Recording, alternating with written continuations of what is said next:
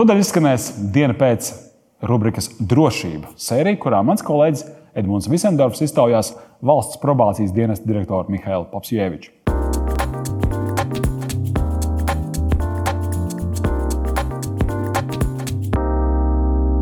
Ja salīdzinām to cilvēku skaitu, kur ir cietumā tagad, un to, cik tādu bija pirms desmit gadiem, tad varam secināt, ka situācija ir uzlabojusies par 50%. Vai tas ir labs probācijas dienas darbs, vai mūsu sabiedrība ir augusi un mainījusies?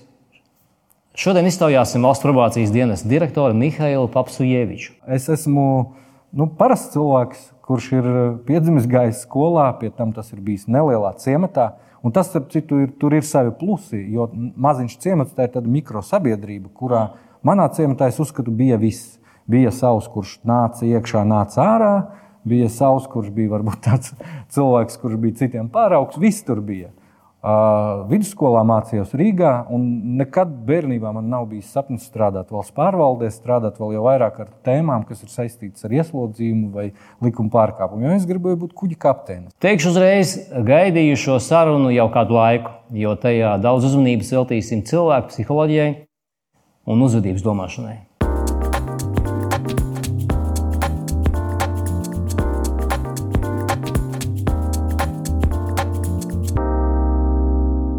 Taču pirms sarunas aicinu ieskatīties diena pēc arhīvā, kur sarunāsimies ar Ilju Ļenski un pārunāsim to, cik korekti Latvijā ir lietot vārdu žīts un žīdiņš. 2019. gada nogalē mēs dienu pēc platformā publicējām sarunu ar autoru un žurnālistu Paulu Timrotu. Un šis, šajā sarunā mēs pieskārāmies tematam par tiešu sarunu un tiešu komunikāciju. Um, šo sarunu Facebookā ir noskatījušies apmēram 15,000 cilvēku, un uh, kad nesen mēs izlēmām uh, šo sēriju pārcelt uz YouTube platformu, tā pievērsa ļoti lielu uzmanību. Un tā pievērsa uzmanību tieši ar, uh, ar frāzi, kurā tika izmantots vārds žīdiņš. Uh, mēs paskatīsimies vienu nelielu fragment no šīs uh, uh sarunas. Latvijas ir pārdevējs.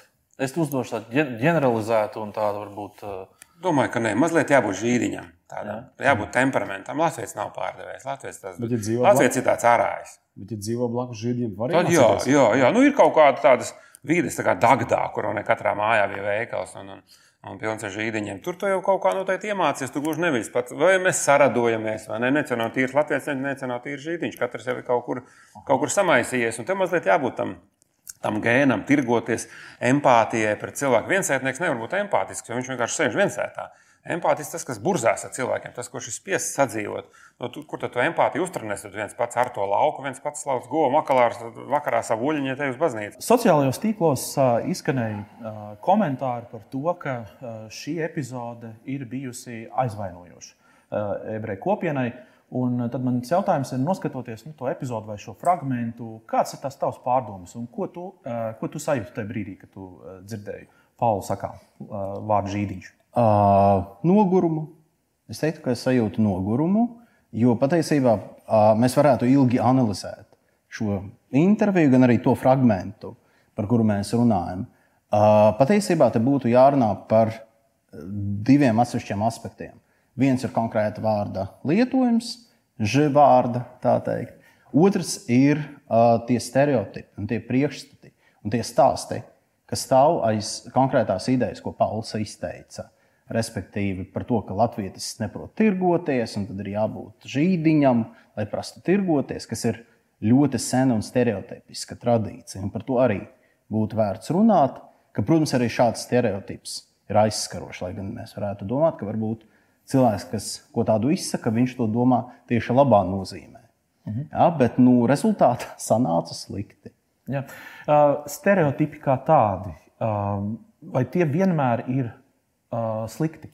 Uh, teiksim tā, stereotipi, kurā gadījumā ir uh, tie stāsta vairāk par to cilvēku, kas šos stereotipus izsaka, nekā par objektu. Jo mhm. stereotips, jebkurā gadījumā, ir par to, kas mēs neesam. Vai ir pareizi un korekti Romu tautības cilvēkus Latvijā dēvēt par čigāniem? Par to sērijas turpinājumā.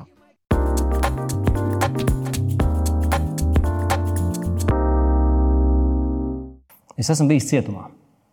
Uh, 1900, 1987. gadā mm, dienējot, uh, dienot uh, PSRS dienestā, karadienestā, flotē uh, par, par kādu pārkāpumu. Aizstāvoties, uh, man tika piešķirts sots. Es desmit dienas pavadīju virsardzē, un pēc tam 20 dienas vēl, vēl, tā laika disciplinārā bataljonā, flotes. Mm. Tad man attaisnoja, um, par ko es biju priecīgs. Ar to viss arī beidzās. Es turpināju dienestu. Tas laiks palicis atmiņā kā nu, tāds, tāds, tāds sarežģīts, man to laikam jaunam puisim vēl nesaprotams laiks, riskants. Bet man ar to pietika. Un es izdarīju secinājumus, un nu, man ir kāds laiciņš jau nodzīvots. Nu, es saprotu, kas tas ir. Šķiet. Kā ir tagad? Tagad jaunie cilvēki spēj izdarīt šo secinājumus. Tad uh, par jauniem cilvēkiem runājot, uh, šī metode, uh, viņu varētu saukt par tādu šoka terapiju vai iebiedēšanas, viņa pēc savas būtības skaitās neefektīva. Un, skaitās tas nozīmē, ka par to ir veikti pētījumi, un tieši uz jauniem cilvēkiem tāda šoka terapija vai arī iebiedēšanas taktika, piemēram, ekskursijas uz ieslodzījuma vietām, kaut kāda laika pavadīšana ieslodzījuma vietām, Nedarbojas. darbojās uz ļoti, ļoti nelielu daļu, uz apmēram 10%. Un, uh, pamatā šie cilvēki, šie 10%, viņi jau tāpat ir orientēti būt likuma paklausīgi, ja? un viņiem varbūt kaut kas sanāca. Tā kā šī metode, kā metode, jauniem cilvēkiem visticamāk nebūs, nebūs īstā. Jo Kāpēc tas ir tā jauniešiem? Nu, tas atšķirās tieši saistīts ļoti ar smadzeņu nobriešanas funkciju. Un, un pieaugušais cilvēks ir pieaugušais. Viņš spēj izdarīt jā, šos te, secinājumus starp cēloņiem un sekām. Viņam jau smadzenes ir attīstījušās tieši priekšējā, priekšējā smadzeņu daiva, mhm. piera, nu, tā daļa, kas atrodas nu, šeit, pierē. Bet uh, jauniešiem, apmēram līdz 25 gadiem, tas tā vienkārši nav noticis. Un, un, uh, viņi vēl aug tas notiks, bet tas notiks mazliet vēlāk. Savukārt citas daļas, kuras varbūt vairāk atbild par tādām lietām kā nu, adrenalīns, piedzīvojumi, garš kaut kam kaut ko pierādīt, piederības sajūta grupai, izcelt. Tur parādās riski. Jā, un, un tā jau ir funkcionējoša, un līdz ar to, nu, teiksim, ieslodzījums savā ziņā varētu arī kļūt par tādu marķieri, ka es esmu nu, spēcīgākais šajā kompānijā, vai ne? Es esmu tur bijis, jūs tur nesat bijuši. Cilvēkam, paliekot vecākam, viņam mazinās dažādas lietas, pārbaudīt robežas, kas ir jauniešiem un, un, un pusaudžiem ļoti raksturīgi viņam mazinās testosterona līmenis, un līdz ar to vēlme kaut ko nu, atkal kādam pierādīt. Ja? Un salīdzinot grupas, piemēram, 30 gadīgie, 60 gadīgie, mēs redzam, ka 60 gadīgo grupā vienkārši dabīgi pienākot noteiktam vecumam, cilvēki recidivē trīs reizes retāk nekā 30 gadīgo grupā. Tad līdz Tātad, ar vecumu recidīvas skaits samazinās. samazinās Statistiski te atkal nevajag paņemt vienu Jāni vai Pēteri, kurš tur visu laiku tik pa ieslodzījuma vietām. Noteikti tāds arī būs nenoliedzami. Bet, ja mēs skatāmies uz visu populāciju un, un, un nu, kā tas notiek statistiski, tad mēs redzam, ka viena daļa vienkārši izbeigs izdarīt likuma pārkāpumus, iestājoties noteiktam vecumam. Un atkal tas iemesls ir manis jau minētais smadzeņu darbība attīstība, dažādu citu organismā notiekošu lietu attīstība. Es apskatījos statistiku un atļaušos tagad mazliet īsi, īsi ātri nocitēt. Tātad pēc ieslodzījuma vietu pārvaldes datiem uz šī gada sākumu, jeb precīzāk uz, uz, uz 31. decembra 2020. gadu, tad, nu, Latvijā bija 3104 ieslodzītas personas, no kurām 2294 bija notiesātas, kas izcieš sodu cietumos. Um, kas ir interesanti, tas ir par 50% mazāk nekā pirms desmit gadiem. 50%. Un tāpēc mēs pamatot to varam vērtēt kā mūsu sabiedrības tādu kopīgu panākumu. Mm, droši vien, ka pat arī neapšaubām panākumu. Bet um, kādu jūs redzat šo realitāti? Tas, tas ir panākums. Šie 50% kritums. Jā, nu, vēl viena lieta būtiska. Mums vienmēr būtu jāpaskatās par kopējo demogrāfiju. Ja? Nu, kad, cik mēs kā iedzīvotāji valstī esam. Ja? Jo, piemēram, ja nu, 50% nav krities. Tieši tā. Un tad, ja tur nav tiešas korelācijas, tas nozīmē, ka tas ir kaut kāds mūsu sabiedrības sasniegums. Patiešām. Bet tad būtu jāiet dziļāk un jāskatās, kā mēs esam nu, nu, panākuši šo sasniegumu. Un uh, viena no lielākajām un būtiskākajām lietām, kas šajos desmit gados ir notikusi, ir saistīta ar Latvijas tādu kūlini kriminālu sodu politikā. 13. gadā, 2013. gadā stājās spēkā būtiski grozījumi krimināla likumā, kas pirmkārt uh, dekriminalizēja dažus no sastāviem, nu, to, ko mēs kādreiz krimināli sodījām, piemēram, prostitūcijas noteikumu pārkāpšanu. Ja? Bija tādi noteikumi, tad, ja viņas pārkāpa, tad pie otras reizes gada laikā pārkāpšanas varēja iestāties krimināla atbildība. Tas ir viens piemērs. Tā ir viena lieta. Tātad kaut ko mēs dekriminalizējām, un kaut kāda daļa ar cilvēkiem vairs vienkārši nenonāk vairs kriminālās justīcijas sistēmā. Tie gadījumi tiek menedžēti savādāk. Otra būtiska lieta tika pārskatīta vispār visa likuma klasifikācija. Nu, par ko cik gadus mēs dodam un kas tas ir par teiksim, nu, kādas kategorijas noziegums. Tas ir kaut kas smags vai tomēr nav tik smags. Un, faktiski sanāk tā, ka ir tāds jēdziens krimināla pārkāpums, tas ir kaut kas neliels.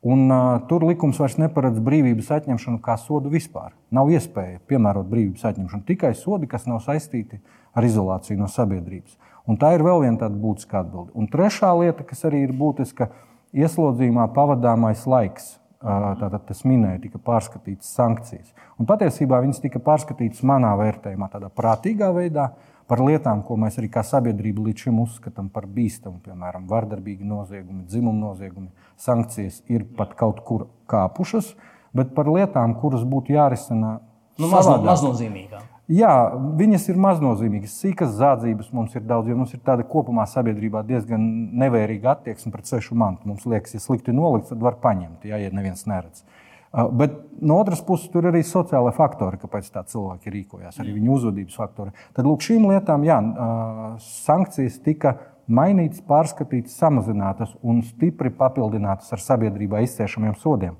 Un te ir vēl viens aspekts, ko es minēju, vai tas ir mūsu sasniegums. Es teiktu, lai mēs runātu par sasniegumiem, būtu jāapskatās, kas vispār notiek, cik cilvēki gadu nonāk mūsu kriminālās justīcijas sistēmā kā sodītās personas.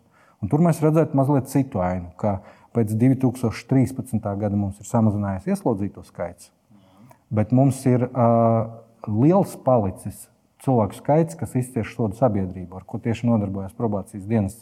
Tie ir cilvēki, kam piemēro piespiedu darbi, un tādi ir vairāk nekā 50% no visiem. Apmēram 9000 ik gadu notiesāto, tātad nonāk tieši piespiedu darbos. Un otra lieta ir sodi, kas ir tādi kā nosacīta notiesāšana, nu, vai arī cita veida alternatīvas, piemēram, nosacīta atbrīvošana no krimināla atbildības. Es esmu dzirdējis, ka Norvēģija ir tas, tas, tas labais piemērs, no kura daudzi vismaz pēdējos gados ir centušies ņemt piemēru tieši strādājot ar recidīviem strādāt ar šiem vairāk kārt sodus, sodus izcietušajām personām. Vai jūs arī to izmantojat, ja ir kādas citas, citas, citas pieredzes? Izmantojam gan, un Norvēģija ir vispār priekš Latvijas sodu izpildes sistēmas, gan ieslodzījuma vietas, gan probācijas dienesta.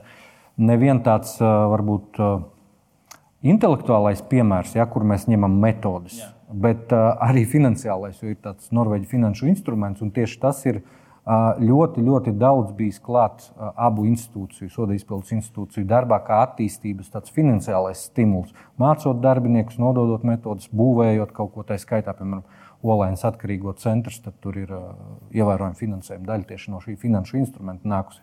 Bet, ja mēs runājam par Norvēģiju, tā būtiskākā varbūt lieta, ko ir vērts mācīties no, no, no viņiem, cietumu sevišķi sistēmas darbā, tad tā ir uh, tiešām tāda ļoti analītiska pieeja jebkam, ko mēs darām, un tāda fokusēšanās uz rezultātu. Un otra lieta, mēs saprotam, ka cilvēks šeit, ieslodzījuma vietā, ir uz laiku, nu vismaz lielākā daļa no viņiem ir uz laiku. Un, un mūsu uzdevums kā darbiniekiem ir uh, nevis viņu tur nosodīt, nevis viņu kaut kā stigmatizēt, marķēt, vēl kaut ko darīt, bet darīt visu iespējamo, lai tad, kad viņš dosies ārā, šis cilvēks nebūtu uh, bīstams citiem un varētu pats parūpēties arī par sevi. Un tas varbūt tā ļoti skaisti skan, bet to patiešām šai attieksmei, ar kādu mēs nākam uz darbu, ar kādu mēs izturamies pret savu klientu. Jo, piemēram, arī probācijas dienestā mēs saucam šo cilvēku, kas ir notiesāts par klientu. Plašākā nozīmē visa sabiedrība ir mūsu klients, bet šis ir arī mūsu klients, un mēs sniedzam viņam specifisku pakalpojumu.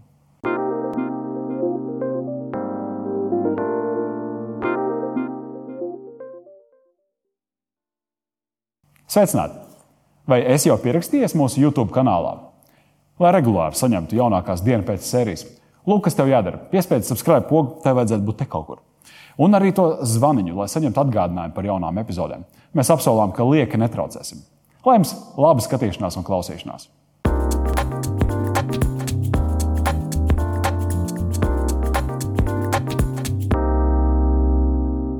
Vai cilvēks var mainīties? Vai to iespējams panākt ar attieksmes maiņu pret cilvēkiem, kuri izcietuši cietumsodu pat vairāk kārtēji? Un kāda situācija Latvijā ar latento noziedzību? Par to parunāsim raidījuma turpinājumā, kur iztaujāsim valsts probācijas dienas direktoru Mihailu Papsujeviču.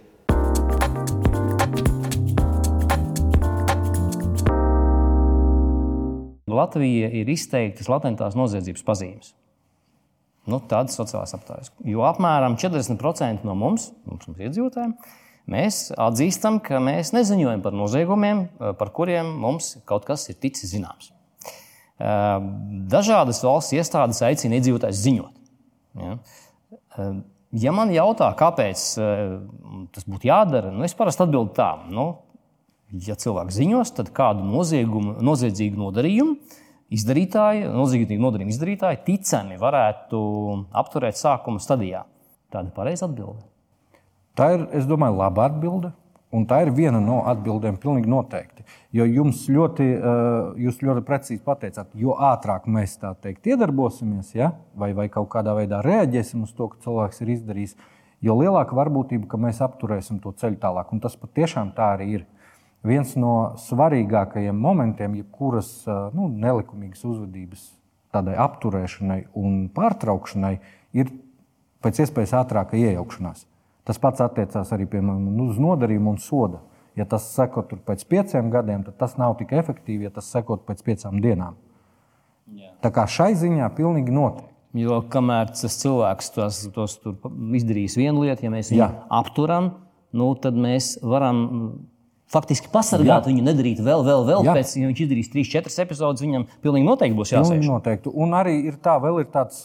Nu, Cikls vispār, kā cilvēks nonāk līdz noziegumam. Un, un dažkārt mums kaut kā, ja mēs par to nedomājam, ja, needam, mums liekas, nu, viņi jau tādi viņi, viņš jau tās piedzima. Piemēram. Un tas ir pilnīgākās muļķības, jo neviens cilvēks nepiedzimst ļauns. Un arī kā cilvēki, no psiholoģijas viedokļa, mēs gribam būt labi. Mēs gribam, lai citi saka, ka, o, malacis, tu kaut ko izdarīji labu. Bet dažreiz vienkārši šīs alkas pēc tās atzinības noved pie tā, ka mēs patiešām izdarām kaut ko nu, stulbu un, un netik labu, un arī varbūt likuma pārkāpumu. Par to mēs tiekam atalgoti. Uh, un, uh, no šī viedokļa, tad, uh, ja cilvēks nepiedzimst par noziedznieku, ir kaut kāds cikls, kā viņš kļūst. Un, tur vienmēr ir tādas vairākas stadijas. Pirmā stadija, mēs taču visi zinām, ka piemēram zakt ir slikti. Nu, diez vai ir kāds cilvēks jau, jau tāds puslīdz nobriedis, varbūt mazs bērns, ne, bet jau pusauģi gados viņš ir dzirdējis, ka zakti nav ok. Un, ja es to daru, nu, viņš saprot, ka tie ir kaut kādi riski un tā nav laba uzvedība. Vai arī sist kādam, tas nav ok, jo tā ir tāda slikta uzvedība uh, kopumā. Bet, uh, lai es to izdarītu, man ir jāpārvar kaut kādas barjeras, tā skaitā iekšējās pirmkārt, jau barjeras, lai es vispār kaut ko izdarītu tam līdzīgu. Pēc tam ir kaut kādas ārējās barjeras, man jāpārvar, ko citi par to teiks. Un tad trešais man jāpārvar barjeras, kas ir piemēram šķēršļi, lai es varētu nozagt. Man tur vajag kameru kaut kur veikalā piesakt, apsargs, lai neredz vēl kaut ko. Tad jādomā, kā cauri tiem vārtiem iziet. Tas ir tāds cikls. Un pirmo reizi, atkal, kas ir pētīts, ka pirmais tas cikls ir daudz, daudz garāks nekā katra nākamā reize. Respektīvi, ar katru veiksmes stāstu, kad man izdodas kaut ko izdarīt, kad likuma pārkāpumu apzināti Tad uh, nākamā reize man prasa ievērojami mazāk laiku, lai es atkal aizietu uz nākamo apli un izdarītu to vēl un vēl un vēl. Un tas, ko mēs redzam savā darbā, piemēram, mūsu sevišķi, ja runa ir par jauniešiem, nepilngadīgajiem, viņi jau ir pirmajā reizē reti, kurš ir pieķerts. Ir tādi, kurus pieķer pirmajā reizē, bet lielākā daļa viņiem ir ļoti, ļoti bagāta patiesībā pieredze. Tikai noķerts viņš ir. Nu, stundā X. Bet vai tā ziņošana par to izdarīto noziegumu, es zinu, ka viņš pieņems kaut ko izdarīs, vai jūs tagad ziņošu. Es taču esmu stukačs. Mums tā ir.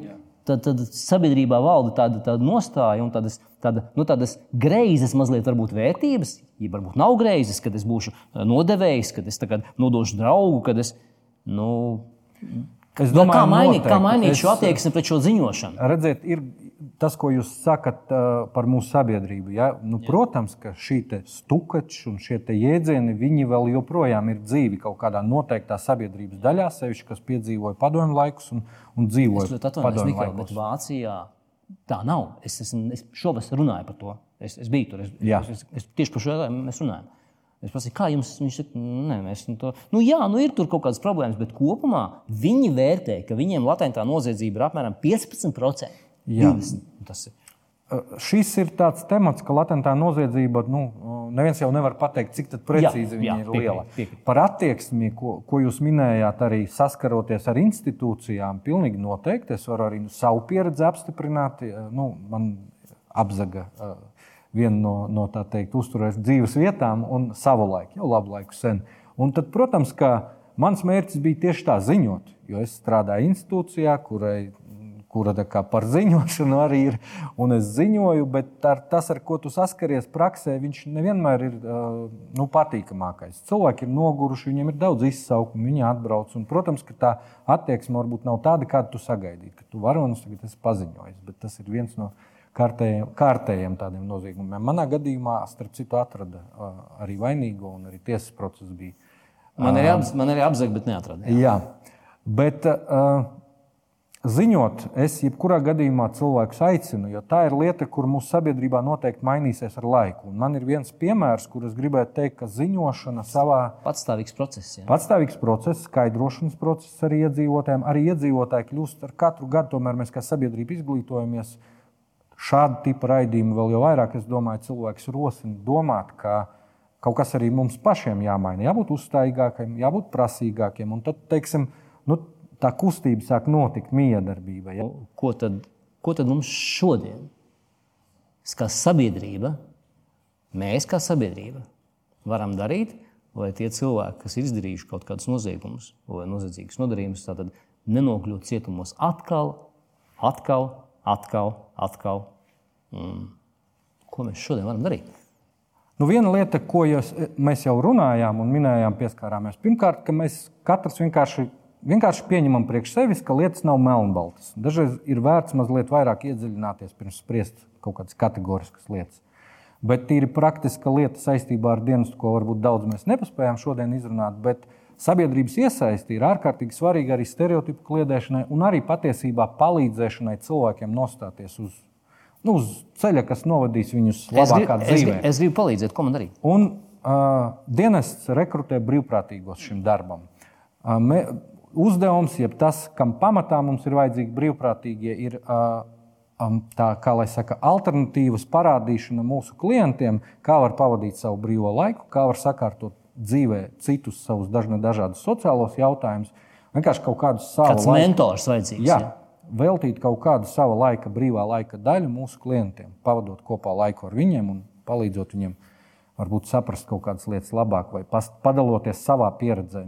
Te nav tāda moralizēšana, tas ir tāds savstarpējās sadarbības uh, princips. Un uh, mūsu mājaslapā ir pieejama informācija. Mēs tieši Mājaslapā, šobrīd jā. rekrutējam uh, brīvprātīgos uh, visā Latvijā, tāpēc www. Uh, vpd.gov.lv. Es ceru, ka būs iespējams parādīt to arī kādā saitē šim materiālam. Bet mēs noteikti esam atvērti un gaidām cilvēkus pie mums. Mēs pastāstīsim, kaut kādas lietas pamācīsim, dažas dienas burtiski sagatavosim. Tātad, ja kāds no mums jūt uh, šo vēlmi līdzēt sabiedrībai, tādā Jā, veidā tā mēs varam aktīvāk. kļūt par brīvprātīgajiem un palīdzēt šiem cilvēkiem, kas ir Jā. no tām vietām netik tālām Jā, atgriezušies. jā, bet tas tiešām, ja ir tāda vēlme un interese, tad, uh, tad mēs rekrutējam darbam pamatā ar jauniešiem, bet arī ar pieaugušiem cilvēkiem. Paldies par sarunu. Šķiet, ka mums viss kļuva nedaudz skaidrāk šodien. Paldies! Paldies!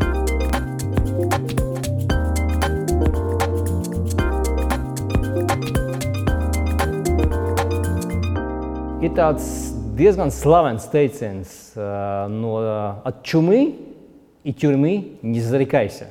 Respektīvi, no, cie, no, no mēra un no cietuma, ar, ar mēru un cietumu nejoko. Man atmiņā palika tas, ka ar šīm lietām, pret tām lietām varētu izturēties savādāk un saprast, ka tie cilvēki, kas ir nokļuvuši cietumā, viņi nav pazuduši vēl. Un mēs visi kaut kā varam palīdzēt viņiem atgriezties sabiedrībā. Un tas, ka cilvēks ir ticis sodīts vienu reizi, vai otru reizi, vai trešo reizi, vai pat ceturto reizi, viņš vēl nav pazudis. Un viņš var atgriezties. Savukārt, lai tie cilvēki pirmo reizi neizdarītu noziegumu, mums būtu jāmaina sava attieksme un jāsaprot, ka līdzīgi kā citās valstīs mēs ziņojam, ziņojam ātrāk. Jo, ja mēs paziņosim, tiem, paziņosim par kādu noziegumu ātrāk, nevis ļausim, lai viņš notiek, jo mēs katrs zinām kādu situāciju, kur kāds kaut ko ir izdarījis, bet mēs neziņojam. Tad, lūk, tāpēc, ka mēs neziņojam, viņš nokļūst šeit. Un, lai viņš tur nenokļūtu, mums jāziņo, jo tā mēs viņu varam pasargāt. Nu, tā pārliecība pēc sarunas ar Mihālu man stiprinājās.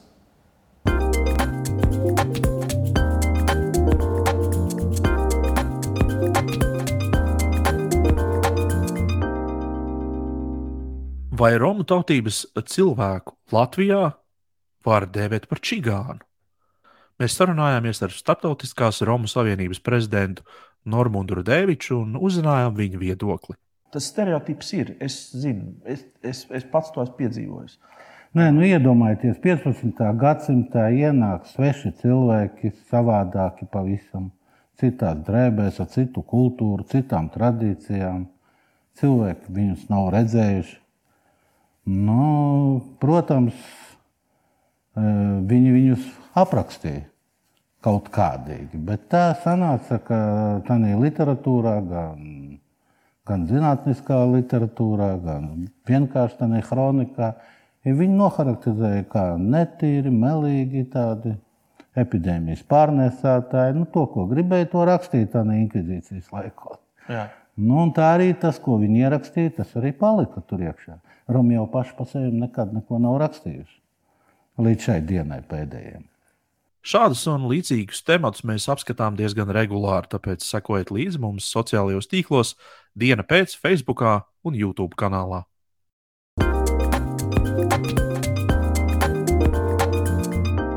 Nākamajā sērijā parunāsim par valsts budžetu. Autore Aija Hermana Sabula sarunāsies ar Finanšu ministrijas fiskālās politikas departamenta direktoru Nilu Saksu. Bet šīs sērijas sagatavošanā piedalījās autors Edmunds Visendorfs, redaktors Kristaps Petersons, montāžas inženieris Edgars Eglītis, operatori Artūrs Liepiņš un Mihails Safronovs. Raksti mums pasts atdienu pēc.CLV, kā arī seko visos sociālajos tīklos.